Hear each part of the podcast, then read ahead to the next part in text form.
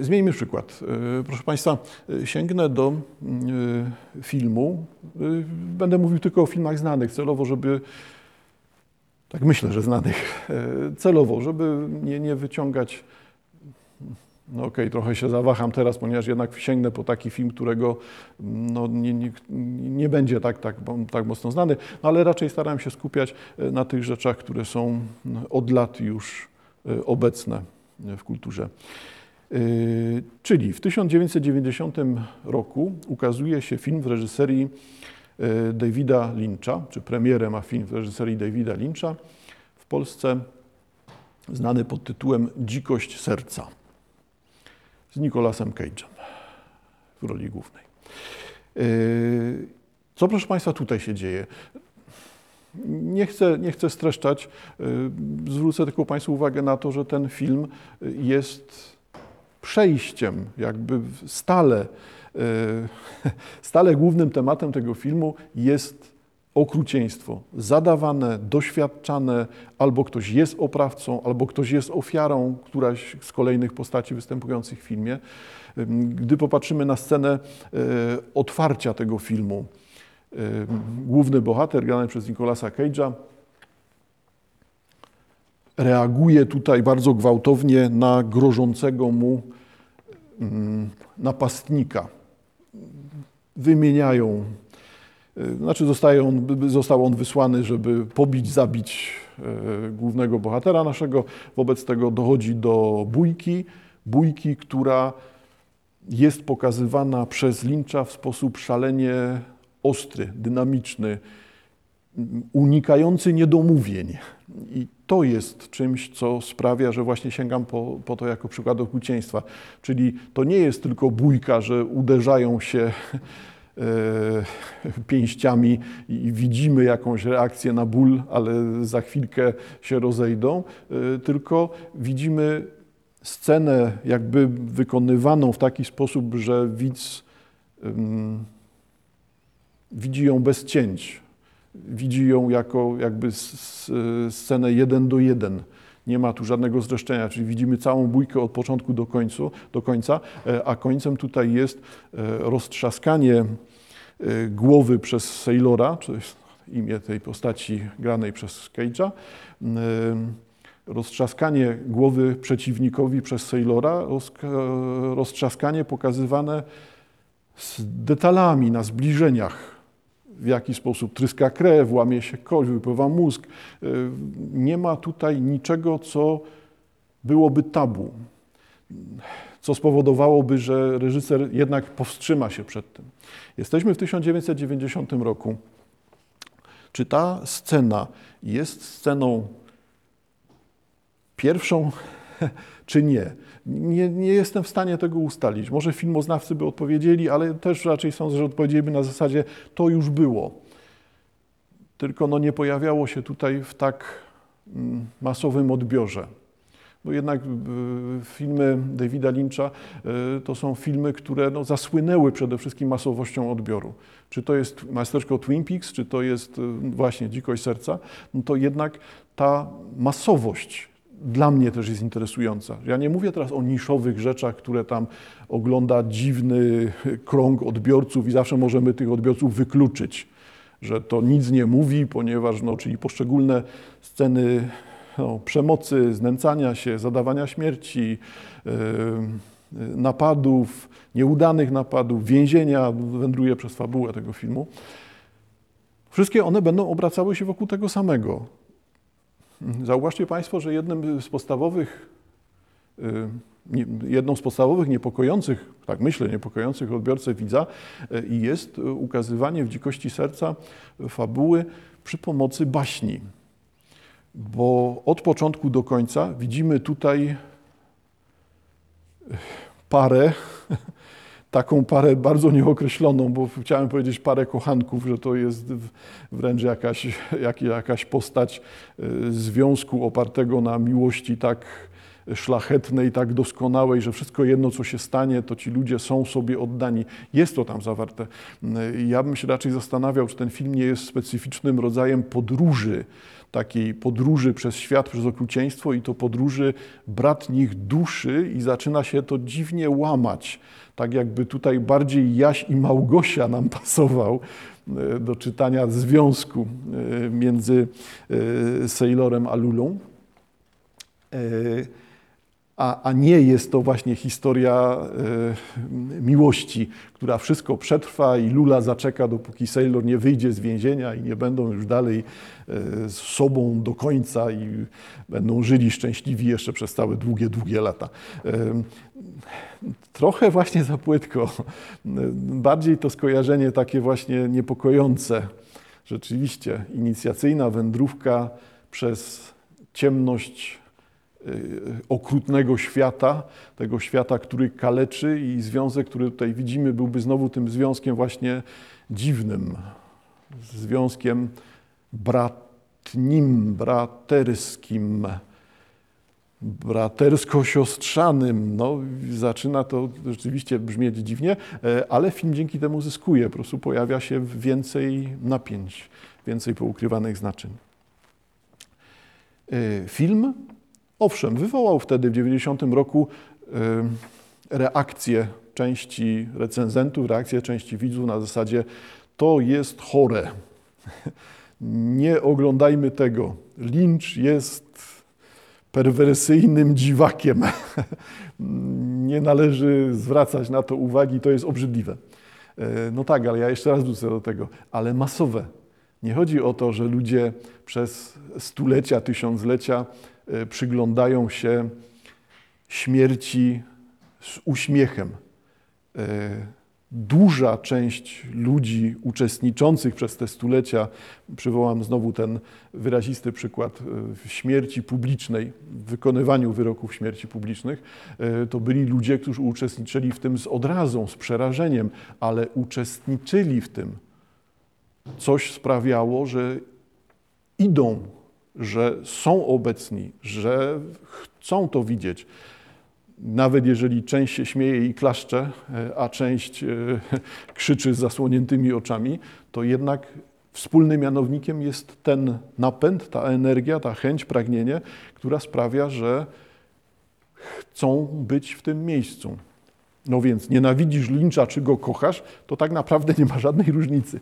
Bo skoro patrzysz na to z nienawiścią albo patrzysz na to z przyjemnością, nie chciałbym tego precyzować, e, no to okazuje się, że, że mamy część wspólną tych dwóch ludzi, dwóch widzów.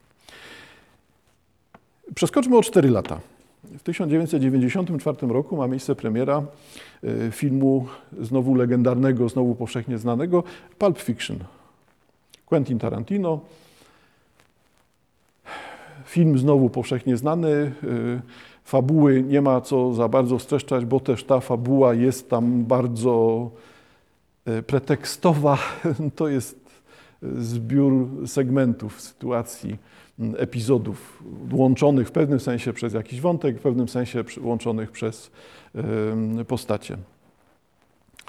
Y, zauważcie Państwo, że motorem tego filmu jest znowu motorem. Hmm tą, tym wspólnym mianownikiem, tą częścią, która sprawia, że widz e, rozumie, że to dzieło Quentina Tarantino, czyli Pulp Fiction, jest dziełem spójnym.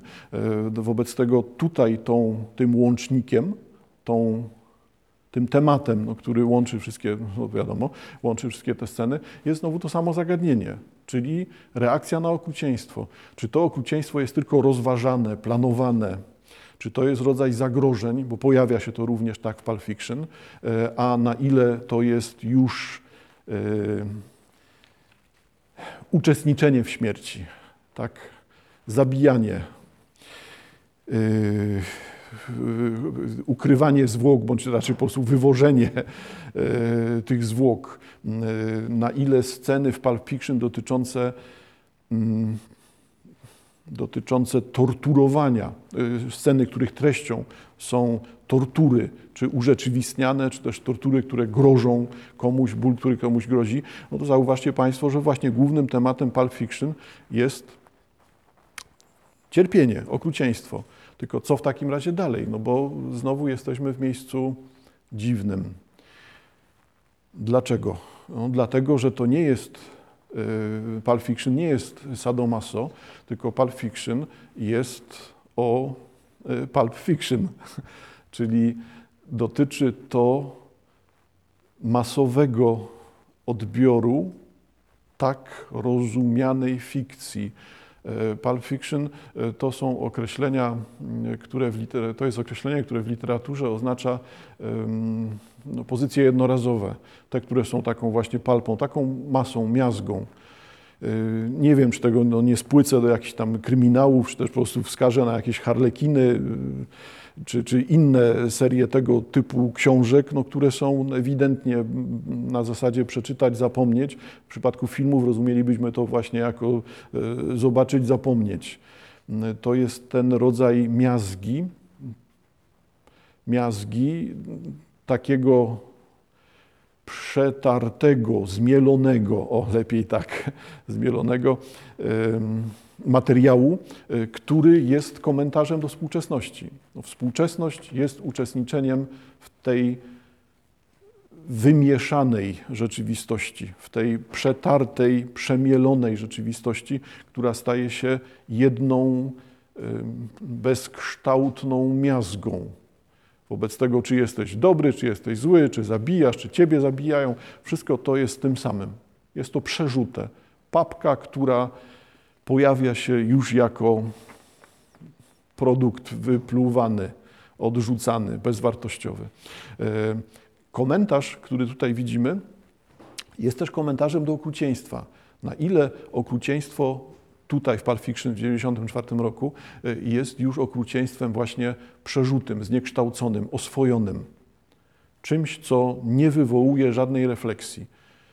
I znowu pokusiłbym się o to, żeby pokazać, że to, znaczy przypomnieć, że to znowu nie jest pierwszy moment, rzecz jasna, w filmach, kiedy pojawia to się w taki sposób, e, ale to jest ten moment, kiedy pojawia to się świadomie, że e, świadomie pojawia się u Tarantino w Pulp Fiction to, że e, okrucieństwo, ból, cierpienie jest czymś w szokujący sposób bezrefleksyjnie przyswajanym.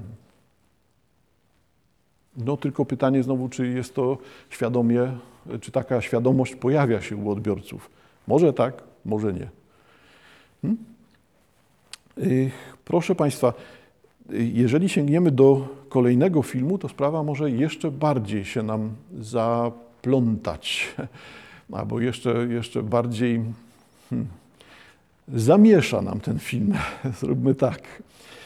E, skoro przed chwilą było Pulp Fiction, 94 rok, no to przeskakujemy sobie e, o całe 15 lat, tak szybko liczę, 15 lat, w 2009 roku ma miejsce premiera filmu kolejnego Quentina Tarantino, Bękarty wojny.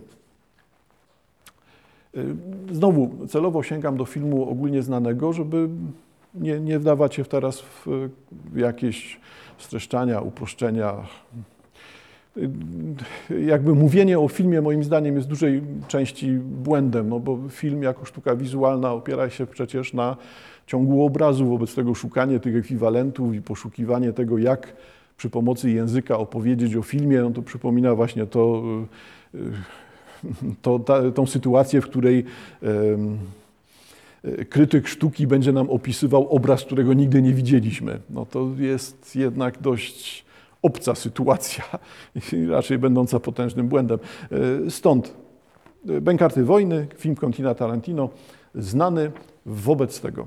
Pamiętacie Państwo, że to jest film, w którym znowu te ciągi e, okrucieństwa, różnego okrucieństwa, pojawiają się od pierwszej do ostatniej sceny. Tam jest masę śmierci, zadawania śmierci, zadawania bólu, no znowu prześladowania, kaleczenia, torturowania, torturowania pokazania, pokazanego w dwie strony, czyli mamy tą stronę w Bękartach Wojny e, postrzeganą jako negatywną, czyli tą stronę e, naziści, wszyscy ludzie powiązani z tym, e, z tak rozumianym okrucieństwem i mamy z drugiej strony no, przeciwników nazistów, tak? zbudowany oddział, który ma doprowadzić do upadku trzeciej, stworzony z najemników, e, oddział, który ma doprowadzić do upadku III Rzeszy e, poprzez zrealizowanie zamachu na głównodowodzących, czyli tam Hitler,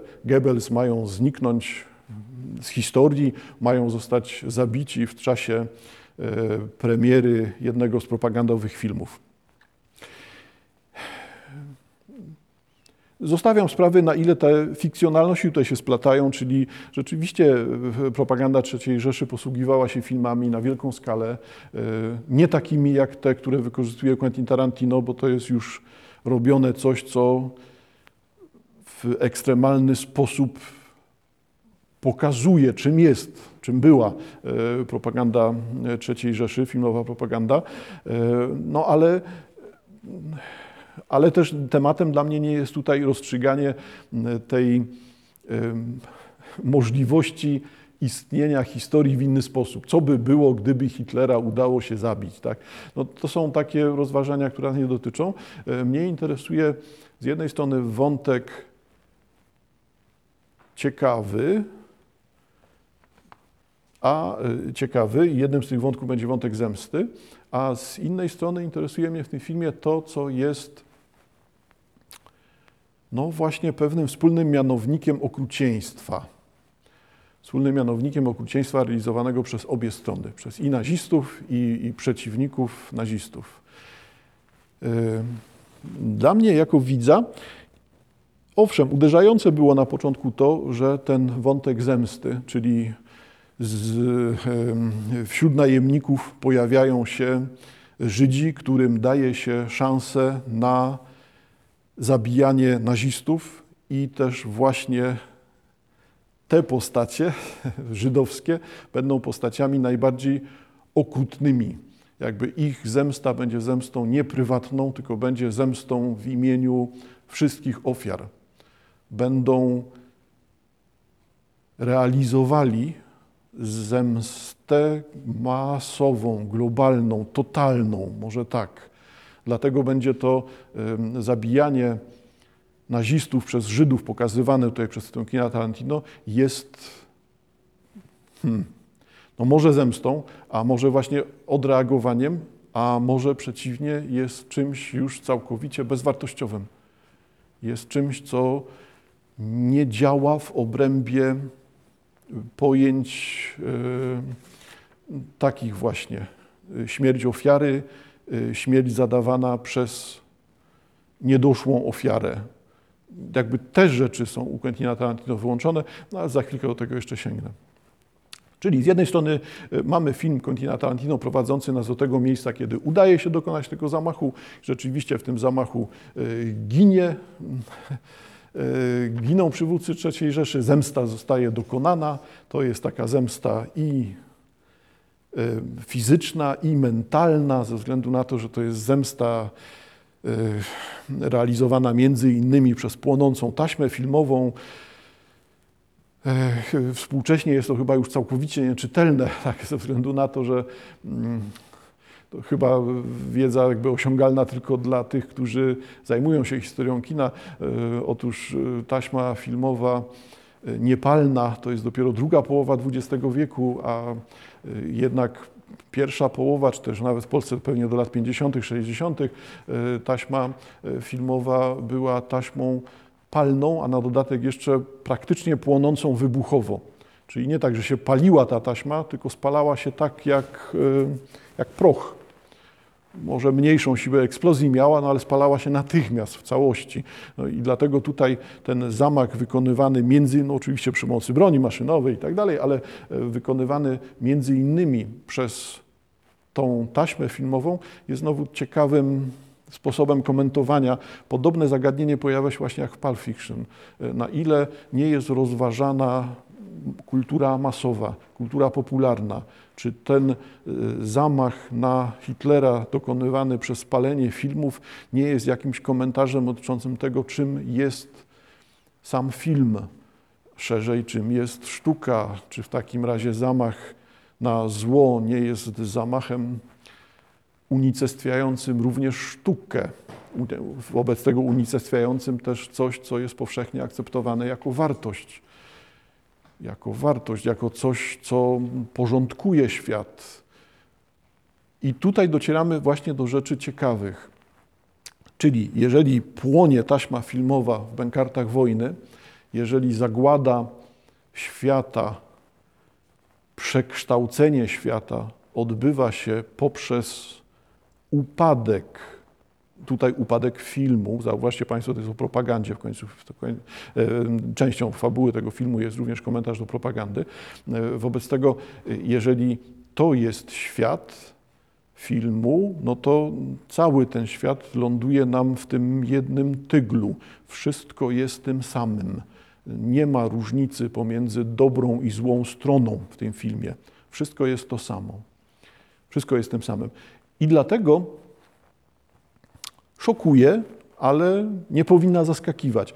E, ostatnia e, scena Bękartów Wojny, czyli moment, w którym nazista pomagający, nazista, dzięki któremu zrealizowano, e, udał się ten zamach na Hitlera, będzie kimś, kto zostanie wzięty pod opiekę przywódcy oddziału najemników walczących po stronie aliantów, czy też z ramienia aliantów.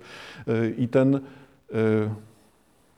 ocalały przywódca oddziału najemników e, będzie nazistę musiał zabrać ze sobą do Stanów, gdzie nazista w Ameryce będzie sobie żył spokojnie, utrzymywany przez państwo, nie nękany przez nikogo.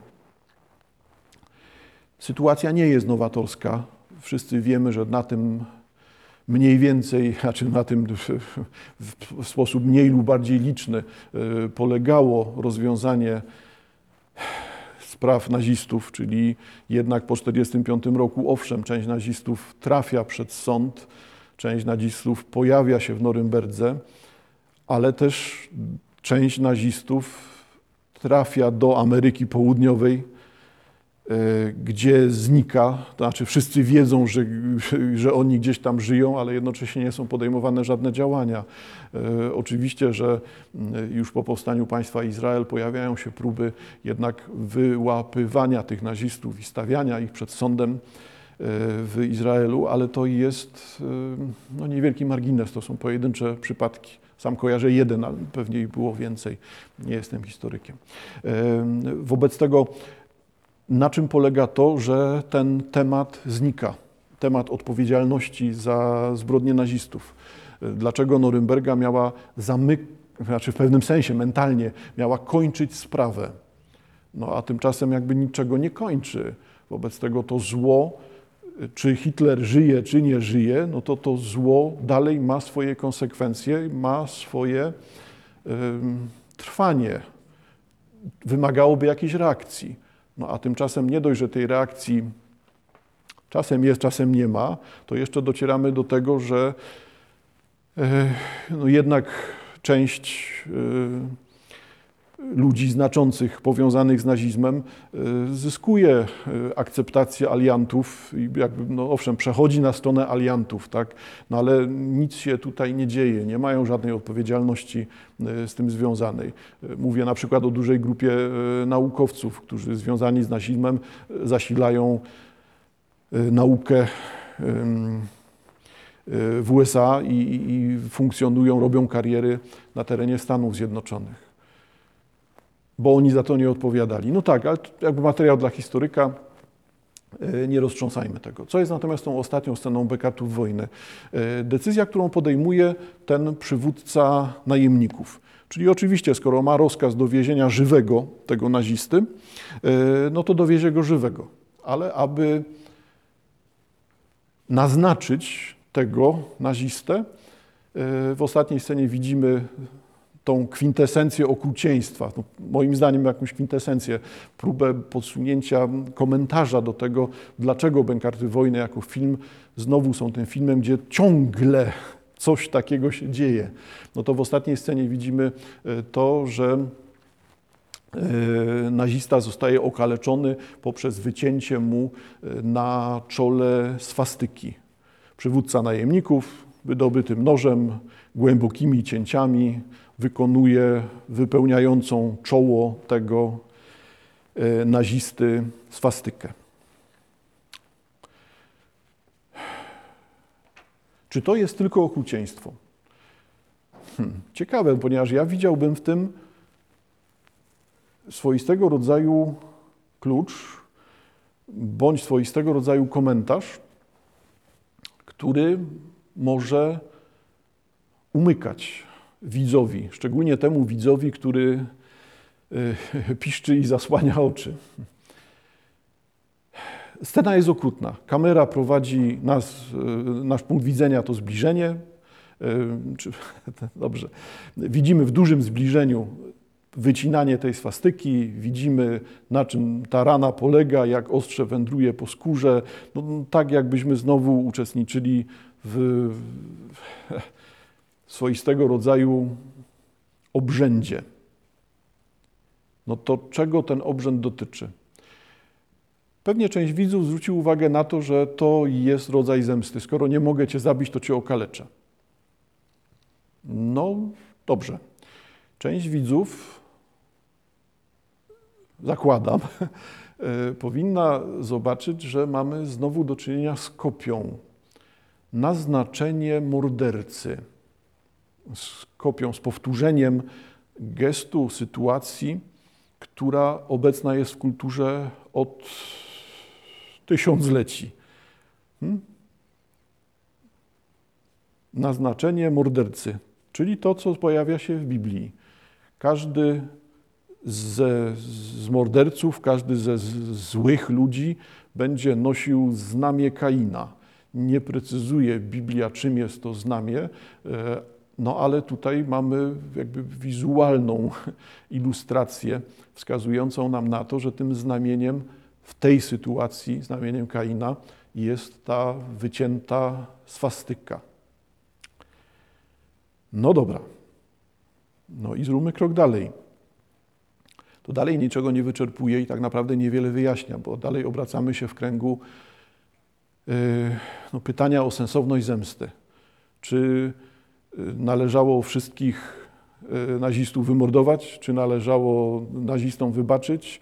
Czy należało wybaczyć nazistom i nic z tym nie robić, czy należało wybaczyć, ale, ale skazać na więzienie, ale okaleczyć. Przez okaleczenie mam głównie na myśli tutaj mentalne jednak okaleczenie w wyniku pewnego napiętnowania, tak, napiętnowania wyrokiem, napiętnowania więzieniem.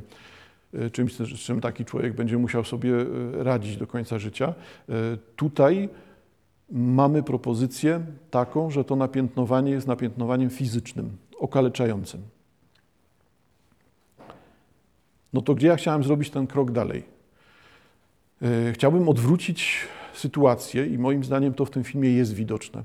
Od początku Bękartów Wojny Tarantino pokazuje nam miazgę, pokazuje nam tą rzeczywistość, w której nie istnieją możliwości odróżnienia dobra i zła. Nie istnieją kategorie, narzędzia, nie istnieje nic, co człowiekowi pozwalałoby na zobaczenie, że coś jest czarne, coś jest białe. Wszystko jest tutaj jednakowe. Naziści są pokazywani jako źli i dobrzy jednocześnie.